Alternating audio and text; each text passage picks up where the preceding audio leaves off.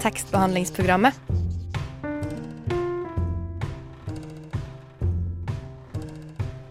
Tekstbehandling på radio.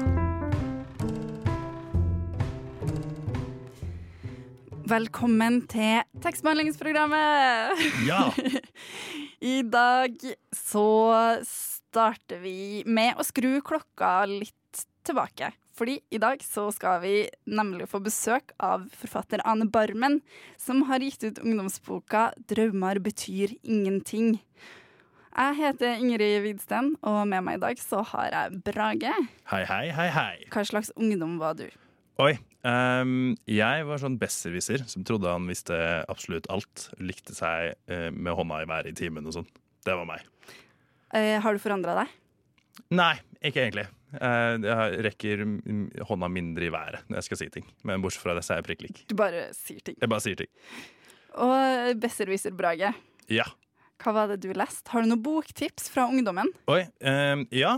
eh, ungdomsbrage. Eh, Jeg tømte jo fantasy eh, ikke ja, eh, skolebiblioteket for fantasybøker eh, på ungdomsskolen. Eh, favoritten var disse bøkene til Darren Shan om vampyren.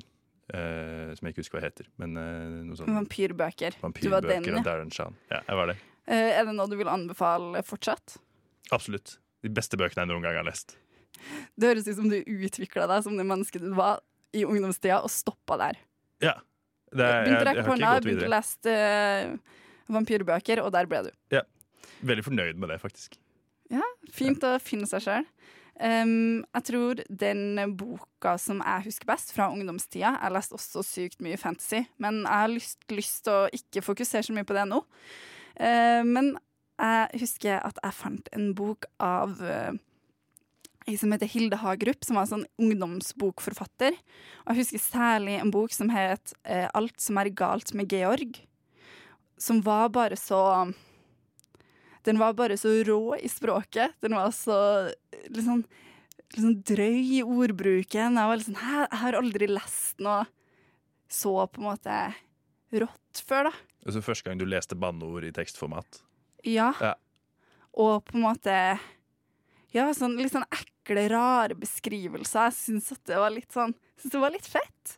Stilig. Anbefaler du den til ungdom i dag? Det er litt vanskelig å si, fordi eh, jeg lurer på om det kanskje er sånn type bok at hvis jeg hadde lest den i dag, så kanskje den er helt annerledes. Mm. Men jeg husker fortsatt den åpninga fra den romanen. Og det er en beskrivelse av at faren døde på do, og så sier jeg-personen at det det er typisk at folk dør på do. De skjønner at noe skal ut, bare ikke at det er livet. Som jeg fortsatt husker og syns er veldig morsom den dag i dag. Så jeg vil i hvert fall anbefale den første sida av den boka, fordi jeg syns det er en veldig gøy start på en roman. Absolutt. Men uh, vi går videre. Vi skal, vi skal høre litt om hunder. Fordi vi er jo en redaksjon som er litt sånn hundemennesker. Er du et hundemenneske?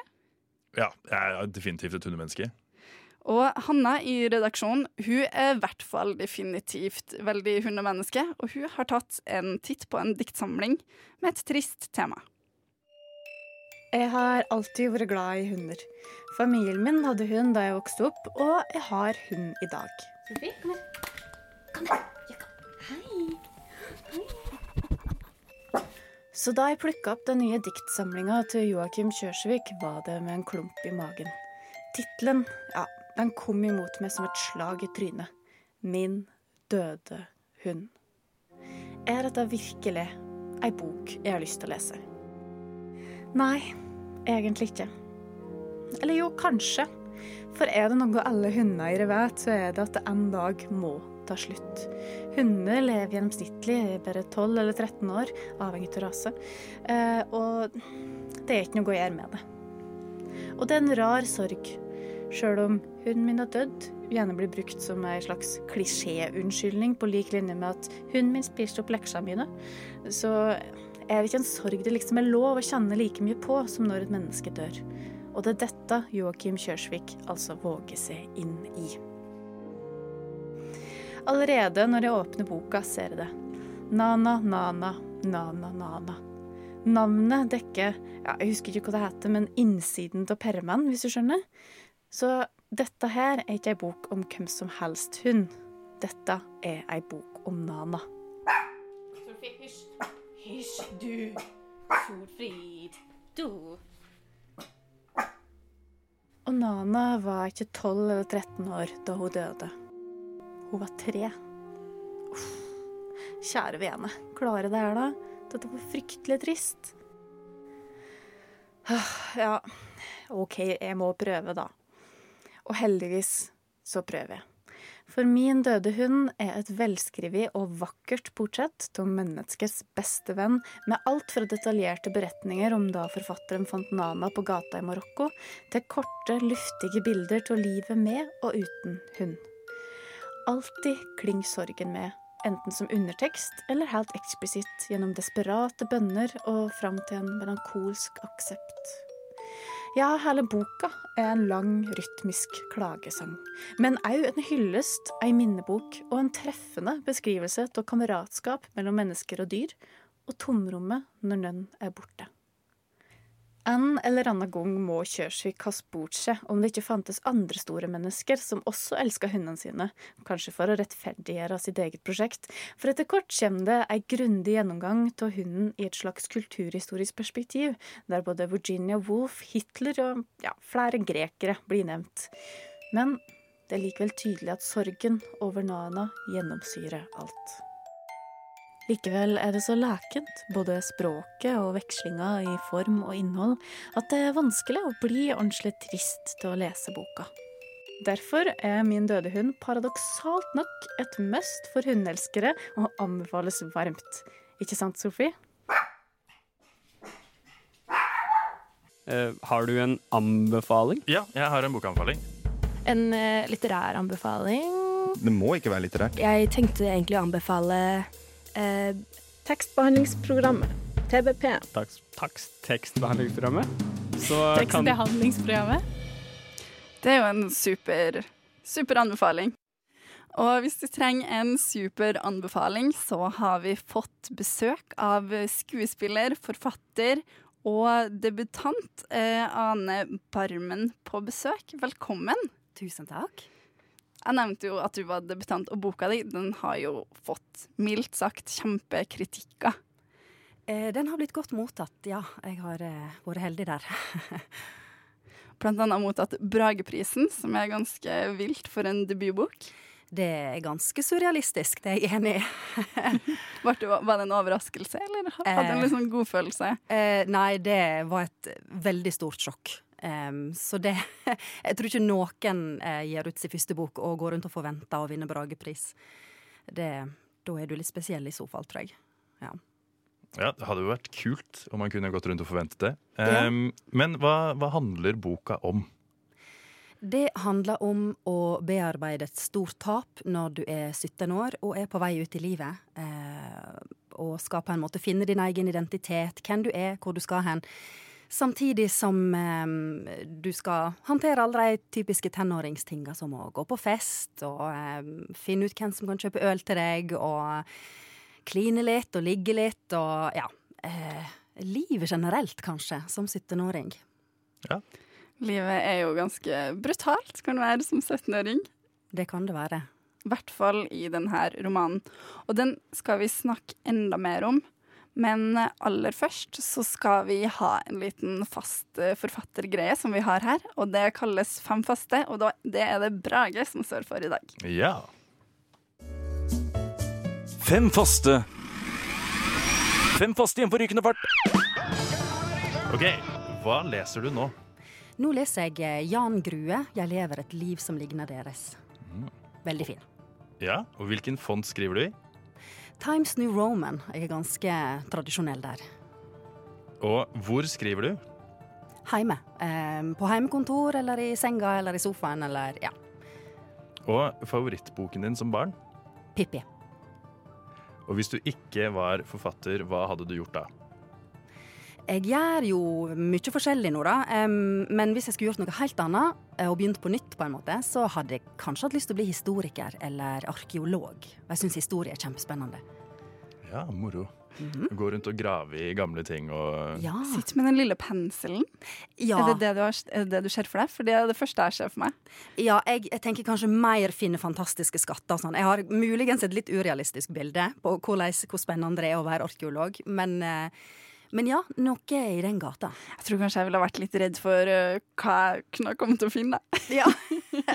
Så finner noe skikkelig ekkelt. Ja, Men jeg lurte si. litt på, uh, du sa jo favorittbok som barn, men egentlig i dag så burde vi jo stilt deg spørsmålet favorittbok som ungdom. Fordi du har jo skrevet en ungdomsbok. Åh, ja, det er sant.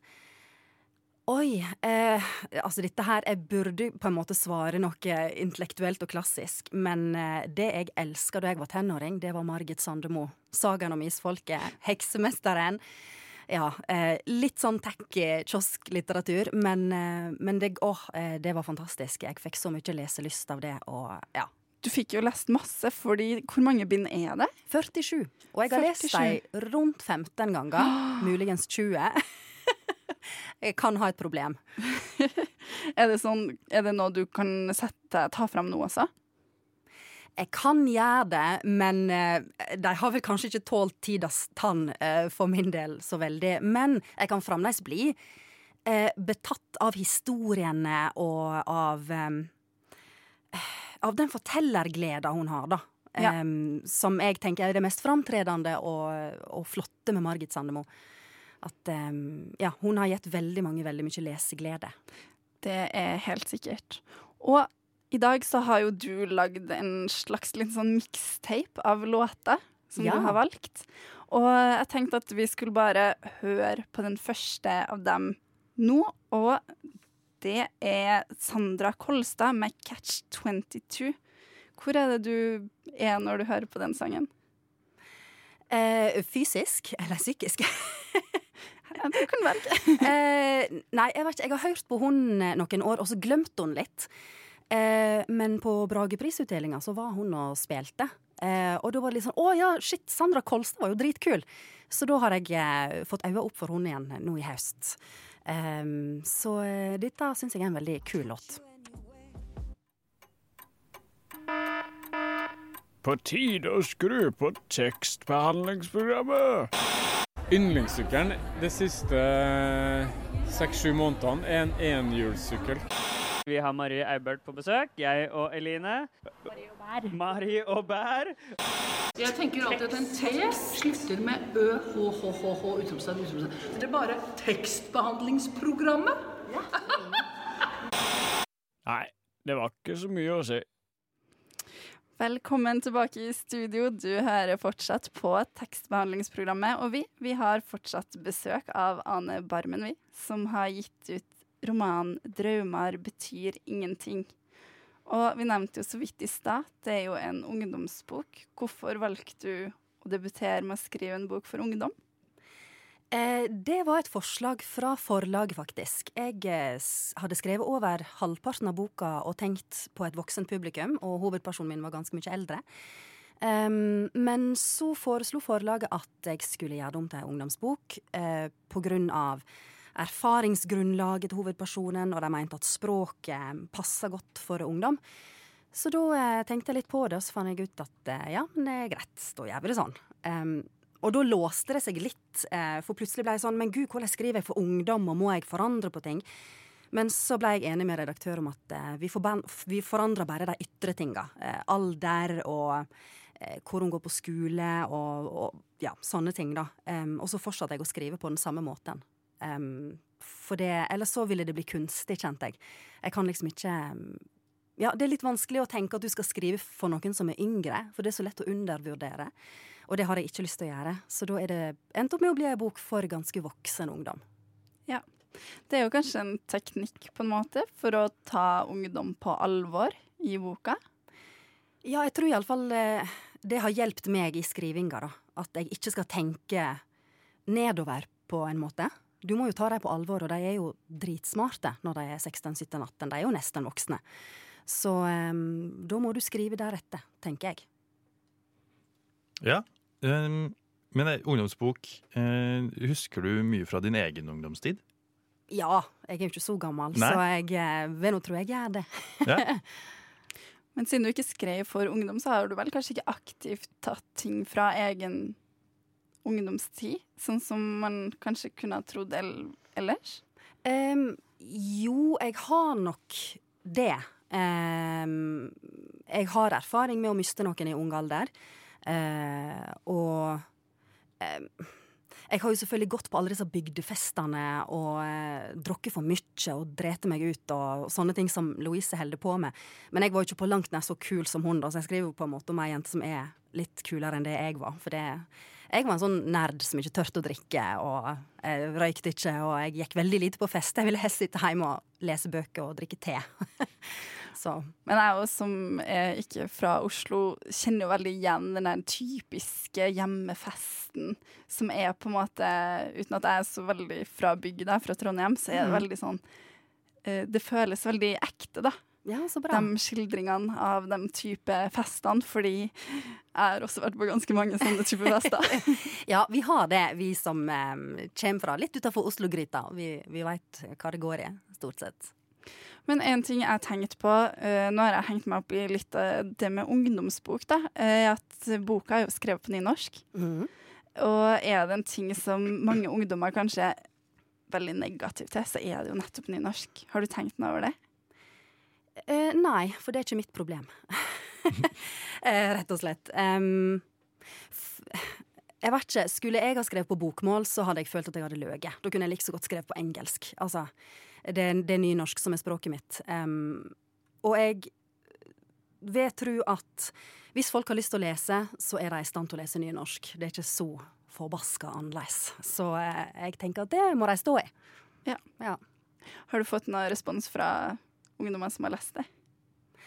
Eh, ja, en del. Um, og så har jeg vært inn og sett litt på, uh, på U-prisen. Der uh, skriver jo ungdommer sjøl anmeldelser. Der er det nok litt, ei litt yngre aldersgruppe som har anmeldt. Um, men der er det Der har jeg fått tilbakemeldinger som at det er litt for lite mord i boka. Eh, og litt for lite dramatikk og, eh, og sånne ting. Um, og så er de veldig opptatt av at jeg er nynorsk bok på nynorsk. For å ane bare, men det er en nynorsk forfatter som skriver på nynorsk. Det, er det, det får jeg høre en del. Eh, der inne, i alle fall. Men eh, fra andre har jeg fått positive tilbakemeldinger, så det er jo hyggelig, da. Ja, jeg syns kanskje boka var dramatisk nok. jeg.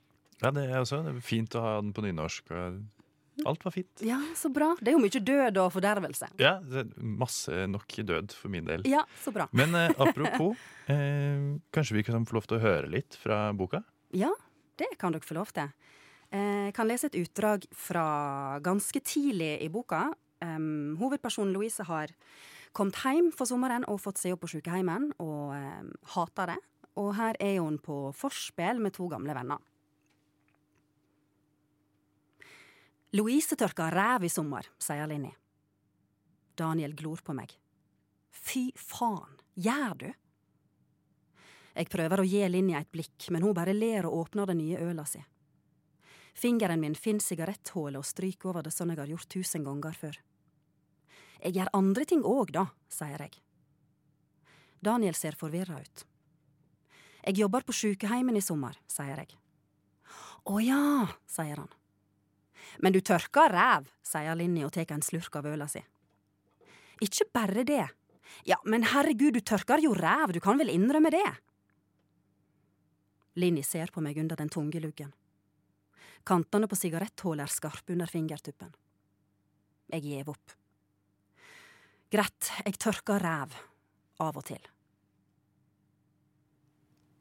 Tusen takk. Der fikk vi utdrag fra 'Drømmer betyr ingenting' av eh, lydbokinnleser også. ja, det er jeg. Det var veldig fint. Takk. Vi skal gå videre i denne mikstapen av eh, låter som du har eh, lagd for oss i dag. Og den neste låta vi skal høre, er Dolly Parton, 'The Man'. Mm, jeg er blodfan av Dolly Parton, så eh, det sa seg sjøl at jeg måtte ha med noe av henne. Hva er det som er så bra med Dolly Parton? Eh, musikken, da, først og fremst. Hun er en eh, strålende låtskriver. En veldig, veldig god vokalist. Eh, og så er hun ei drita bra dame. Hun er så eh, business-minded. Hun lar seg ikke pelle på nesa. Eh, samtidig som hun liksom er varm og raus og Ja. Hun er mm, ja, hun er hele pakka, føler jeg. Hvis du går hjem med noen og de ikke har bøker, ikke knull dem. Hilsen tekstbehandlingsprogrammer. Der fikk du et lite tips fra oss i tekstbehandlingsprogrammet. Vi har fremdeles besøk av eh, Ane Barmen. Og du har jo gitt ut denne ungdomsboka, og den er gitt ut på Gyllendal Forlag. Mm. Og der har du også gått på skriveskole. Ja, det har jeg. Kan du fortelle litt om det? Eh, ja, jeg eh, begynte jo å skrive for mange år siden og sendte inn diverse ting til diverse forlag og ble refusert. Eh, men så eh, las jeg at Gyldendal skulle åpne sin egen skriveskole. som du kunne gjøre sånn Det var samlinga en gang i måneden, så du kunne liksom gjøre det attåt skole og jobb og sånt. Så søkte jeg og fikk komme inn, eh, og gikk der i lag med ni andre.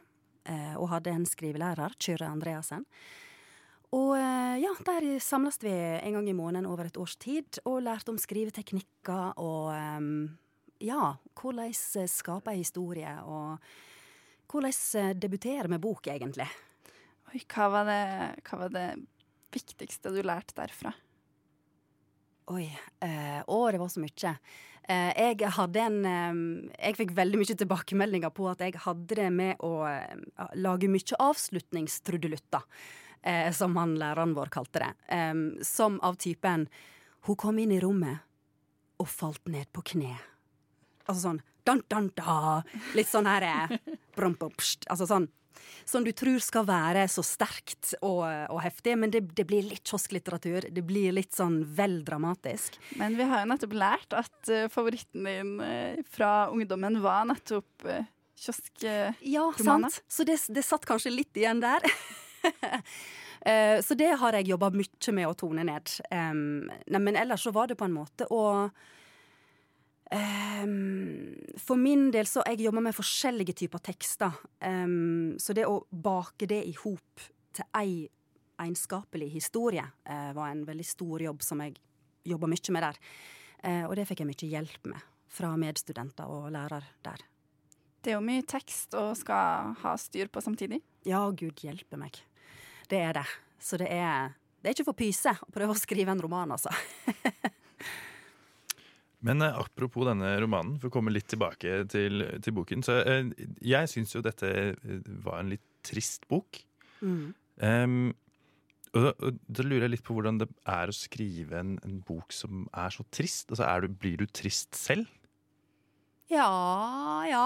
Jeg kan nok bli det. Ja. Um, jeg sitter ofte Eller det har jo skjedd at jeg på en måte griner mens jeg skriver.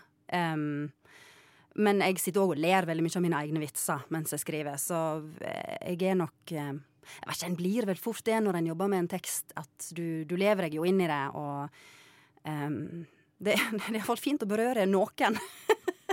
Om det bare er meg sjøl, så har jeg det jo morsomt når jeg skriver. Så det er jo kanskje ting som trengtes og bearbeidast. Jeg veit ikke helt hvor alt det der eh, sorggreiene kom fra. Det er nesten litt tilfeldig. Det var ikke sånn at jeg tenkte at jeg skal skrive ei bok om sorg. Eh, Det bare mm, kom fram eh, etter hvert. Så, men det må en jo stå i. Ja, Utrolig fint ble det i hvert fall. Tusen takk. Den er jo litt alvorlig. Jeg har tenkt litt på det med eh, at den generasjonen blir jo på en måte litt sånn kalt generasjon alvor. Ja. Tror du at det må noe alvorlig til for å treffe dem? Nei, det tror jeg ikke. Men jeg tror Jeg tenker egentlig at det som treffer ungdommen, er jo det som treffer vi som er voksne. Ja. Det er, når noe er ektefølt, så treffer det. Eh, Og hvis noe er genuint morsomt, så treffer det. Uavhengig av eh, alderen din, egentlig. Ja, og Brage har jo nevnt denne boka som veldig trist nå, og jeg syns eh, at det må også nevnes at den var ganske jeg syns var ganske morsom òg. Da vi møttes og snakka om boka og planla her, denne sendinga, så, var vi, så var, sa Brage å, det var en trist bok. Jeg sa hæ? Men var den ikke ganske morsom òg? Mm. Fordi det syns jeg at den var. Ja. Um, uh, jeg tenker jo på en måte ikke at det er ei så ekstremt trist bok som, eh, som mange nevner. Um, men jeg merker at folk leser det litt ulikt. Og noen er veldig opptatt av eh, sorgdelen, mens andre er mer opptatt av humoren.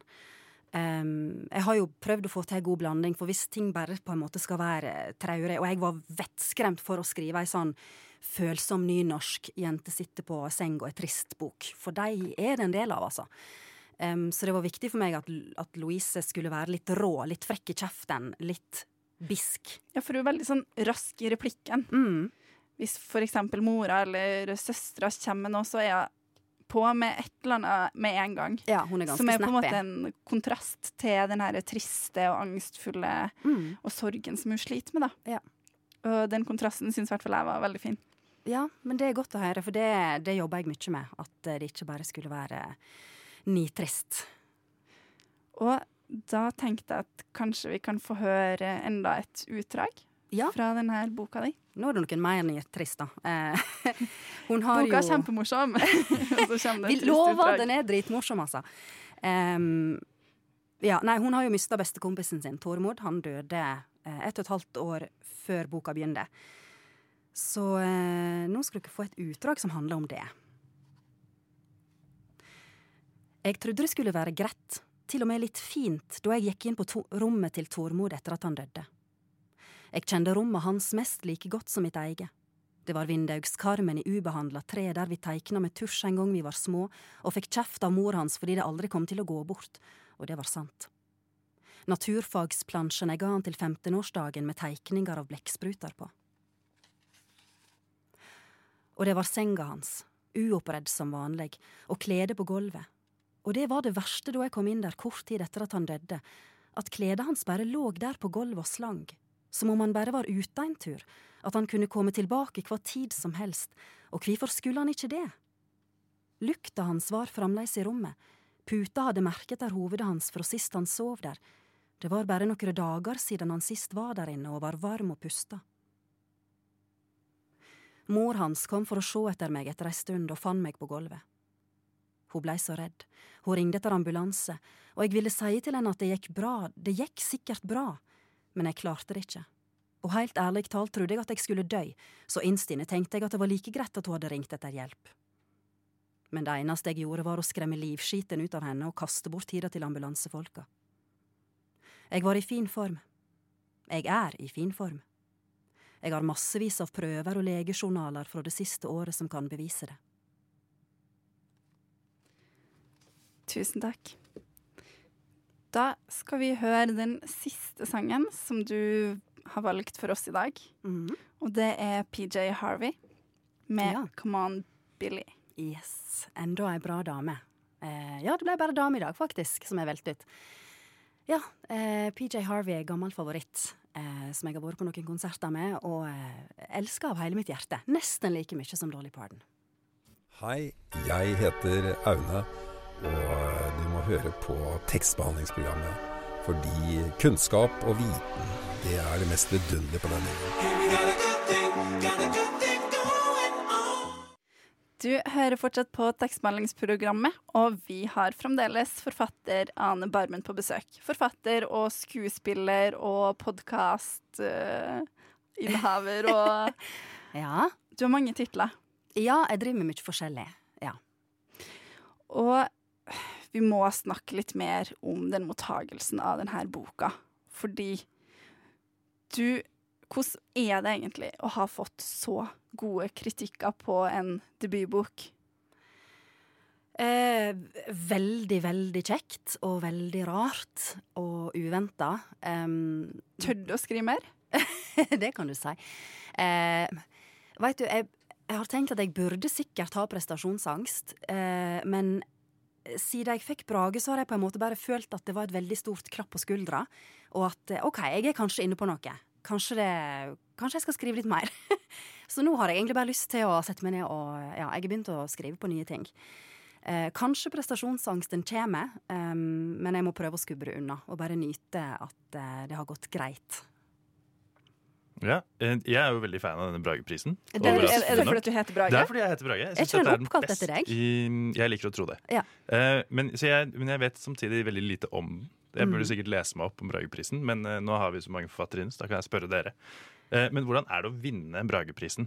Eh, ja, det, hvordan er det? Hva, hva skjer? Blir du oppringt? Får du Eller er det mail og post, liksom? Um, jeg ble oppringt eh, noen uker før av redaktøren min, som kunne fortelle at jeg var nominert. Eh, må tilstå at jeg visste ikke 100 heller hva helt hva Brage var, eh, så jeg sporer redaktøren min "Di- er dette er en litt sånn fancy pris, eller? Hun bare ja, det er det. Så måtte jeg gå hjem og google, og skjønte at OK, eh, dette er ganske stort. Em, og så eh, får ikke du vite noen ting før det er utdeling i november. Og da sitter du i en sånn sal? Da sitter du i salen i lag med alle de nominerte og har på deg eh, ditt fineste paljettskjørt. Og ja, jeg var sjuk eh, og hadde vært veldig sjuk i flere uker og hadde øyekatarr og var forkjøla, hadde ikke stemme, hadde dott i øra. Altså alt var grusomt. Så jeg har tatt opp med meg all sminka jeg hadde, alle paljettene jeg hadde, for å prøve å se ut som et menneske.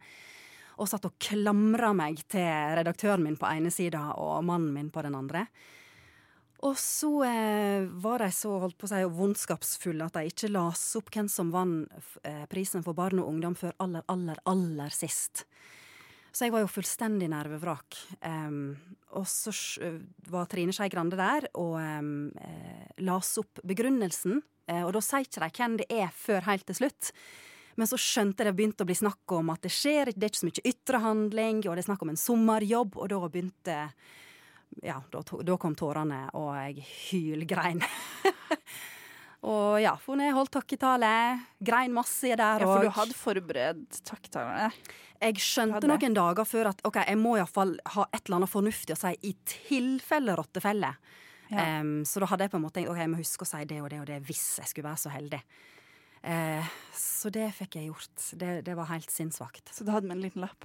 Jeg hadde ingen lapp, det turte jeg ikke. Jeg er overtroisk. Ja. Um, du hadde tenkt så- gjennom det? Jeg hadde tenkt gjennom, Du ja. er skuespiller, du memorerer det der lett. Eh, ja, men så er det jo på en måte så mye nerver at eh, Det er jo nerver når du er på scenen også. Ja, det er det, men på en helt annen måte. Okay. Eh, for da er du der for å gjøre en jobb. Her, er jeg, her var jeg på en måte som privatperson. Og ja, med et intenst håp. Men jeg visste jo at jeg er jo debutant. Det er ingen debutanter som vinner. Det er liksom, og jeg hadde lest de andre som var nominert i min kategori, og det var ekstremt fine bøker. Så ja. Eh, det var et stort sjokk å få lov til å vinne. Det var veldig kult. Og det var også veldig kult å ha deg på besøk her i dag. Tusen takk for at jeg fikk komme. Tusen takk for at du kom. Egentlig sagt det, men jeg kan si det en gang til. Radio Nova. Radio Nova. På, DAB og nettradio. På radionova.no. Jeg har egentlig sagt det, men jeg kan si det en gang til. Radio Nova. Tekstbehandler Brage han har på ny fulgt øynene og valgt ut en bok basert på omslaget. Han har lest novellen 'De døde' av James Joyce, som ble gitt ut i 1914, og som skildrer den irske middelklassen i det tidlige 20. århundre. La oss høre hva hans mening er. Omtalt som en av verdens beste noveller, har jeg på nytt valgt ut en bok basert på vakkert omslag. Forrige pene bok var Stefan Zweigs sjakknovelle og andre tekster, noe som jeg fortsatt mener er en av de beste bøkene jeg noen gang har lest. Forventningene var derfor høye til denne boka, som også er gitt ut av Skald forlag, og har da selvfølgelig også vunnet de samme designprisene for omslaget. Denne gangen så er det Jon Fosse som er oversetteren. Eh, Og etter min mening så er det brukt et langt mer konservativt nynorsk i eh, James Joyces eh, De døde enn det det var i, Stefan Zweigs sjakknovelle. Det kommer vi tilbake igjen til om litt. Dette er en relativt kort novelle på omtrent 75 sider, og er egentlig avslutningsnovellen til novellesamlingen Dubliners. Mitt inntrykk er at det er vanskelig å holde tritt med de ulike personene. Jeg brukte lang tid på å forstå hva og hvem historien handler om. Og jeg trodde lenge at dette var eh, fordi Dubliners handlet om de samme personene, og at det derfor er mer oversiktlig hvis man leser hele novellesamlingen, fremfor å bare lese avslutningsnovellen. Men altså, så googlet jeg dette, og Google har fortalt meg at det ikke er tilfellet. Novellesamlingen eh, tar for seg ulike personer, og de døde er, da er bare én av disse personene. Fortellingen, til tross for å være vanskelig å følge, er interessant. Eh, Men den konservative nynorsken til Fosse gjør at jeg stadig faller ut av historien og må lete meg frem til betydningen av ord som jeg ikke har vært borti tidligere, for deretter å lete meg frem til der jeg falt ut. På den andre siden så er jeg helt enig i at det er momenter i denne novellen som er relevante selv for dagens samfunn. Spesielt hvordan den eldre garde kan ha et annet syn på de yngre generasjoner, som i vår tid er svært tydelig med diskusjoner rundt f.eks. Greta Thunberg. Akkurat dette syns jeg kommer godt frem i talen til Gabriel Conroy, som dere skal få høre et kort utdrag av her. Mine damer og herrer. Det vokser opp en generasjon midt imellom oss. En generasjon påvirka av nye ideer og nye prinsipp. Denne generasjonen tar entusiastisk disse ideene på alvor. Og denne entusiasmen er, tror jeg, sjøl når han går i feil retning, i hovedsak ekte. Men vi lever i ei skeptisk, og om jeg får bruke dette uttrykket, ei tankepint tid. Og somme tider åttast jeg at denne nye generasjonen utdanna, eller overutdanna som han er, kommer til å mangle kvaliteter som humanitet, som gjestmilde, som vennlig humor, og at det blir noe som hører deg framfor en tid til. Etter å ha lest denne novellen og omtalen på omslaget, så sitter jeg igjen med følelsen av å være dum, og jeg kjenner meg frustrert. Dette skal være en av verdens beste noveller, og språket og ironien trekkes frem som å være i ypperste klasse. Dessverre så har ikke jeg skjønt det. Jeg ser ikke greia, og er ikke nevneverdig imponert. Jeg er usikker på om det er språkbruken eller bare nynorsken som gjør at jeg faller ut, men jeg er skuffet over at dette er det som er min konklusjon, og at denne ender så langt fra andres omtale. Jeg sitter igjen med følelsen av å mangle biter til et puslespill, men har samtidig ikke den lysten jeg skulle ønske jeg hadde til å sette dette sammen. Sammenlignet med den forrige pene boken jeg leste, som var sjakknovelle, så ligger de, de døde langt under det å tenne leselysten i meg. Og jeg har virkelig ikke lyst til å lese 'Dubliners' av James Joyce. Men for å se lys i enden av tunnelen, så er De døde en fantastisk introduksjon til James Joyces skrivestil. Dessverre så viste det seg at den ikke var noe særlig for meg, men det kan jo hende at uh, det er noen der ute som vil like akkurat denne stilen. Jeg anbefaler å lese den som et introduksjonsverk til en klassiker. Men jeg hadde nok ikke anbefalt James Joyce. Hallo, mitt navn er Knut Nærum, og du hører på tekstbehandlingsprogrammet. Jeg går i hvert fall ut fra at du gjør det. Eh, hvordan føltes det å være tilbake i ungdommen, eh, Brage? Helt forferdelig. Eh, og samtidig veldig deilig. Vi har vært eh, 17-åringer vi, den siste timen. Ja, det vil jeg si. Men nå er vi klart å gå tilbake til 23 og 23 år. Ja. Hvordan føles det? ja, det ble mer ansvar, da. Ja, kjente jeg har vært litt stiv i skuldrene, mer stressa og kjenne studielånet bare banka på døra. Det, det trenger vi kanskje ikke snakke om.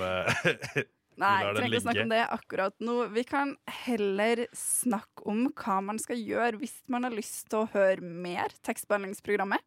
Ja, det er min favoritting å gjøre. Da går jeg inn på Spotify eller Tidal eller eh, hva som helst annet. Podkastappen, kanskje. Podkastappen. Soundcloud. Soundcloud. Fins det flere nå? Er du usikker? Eh? Acast. Acast. Og så søker du opp tekstbehandlingsprogrammet, og så er det bare å høre. Og da kan du høre i timevis, kanskje dagevis. Fordi tekstbehandlingsprogrammet har vært en god stund. Det er ikke sikkert at alt ligger ut, men det fins der. Det finnes. Et eller annet sted i verden. Og så kan man også gå på Facebook og trykke 'liker'. Det kan man også, men vi er ikke et sånt program at vi sier at dere skal gå inn på Facebook og trykke. Nei, sier Vi sier heller er ikke at du skal gå inn på Instagram og følge oss. Og vi sier heller ikke at du skal lytte til neste sending. Blunk, blunk. I studio i dag så var jeg Ingrid Widsten, Og jeg, Brage Bungum Gallis. og tekniker var Ulrikke Svenne. Tekstbehandlingsprogrammet.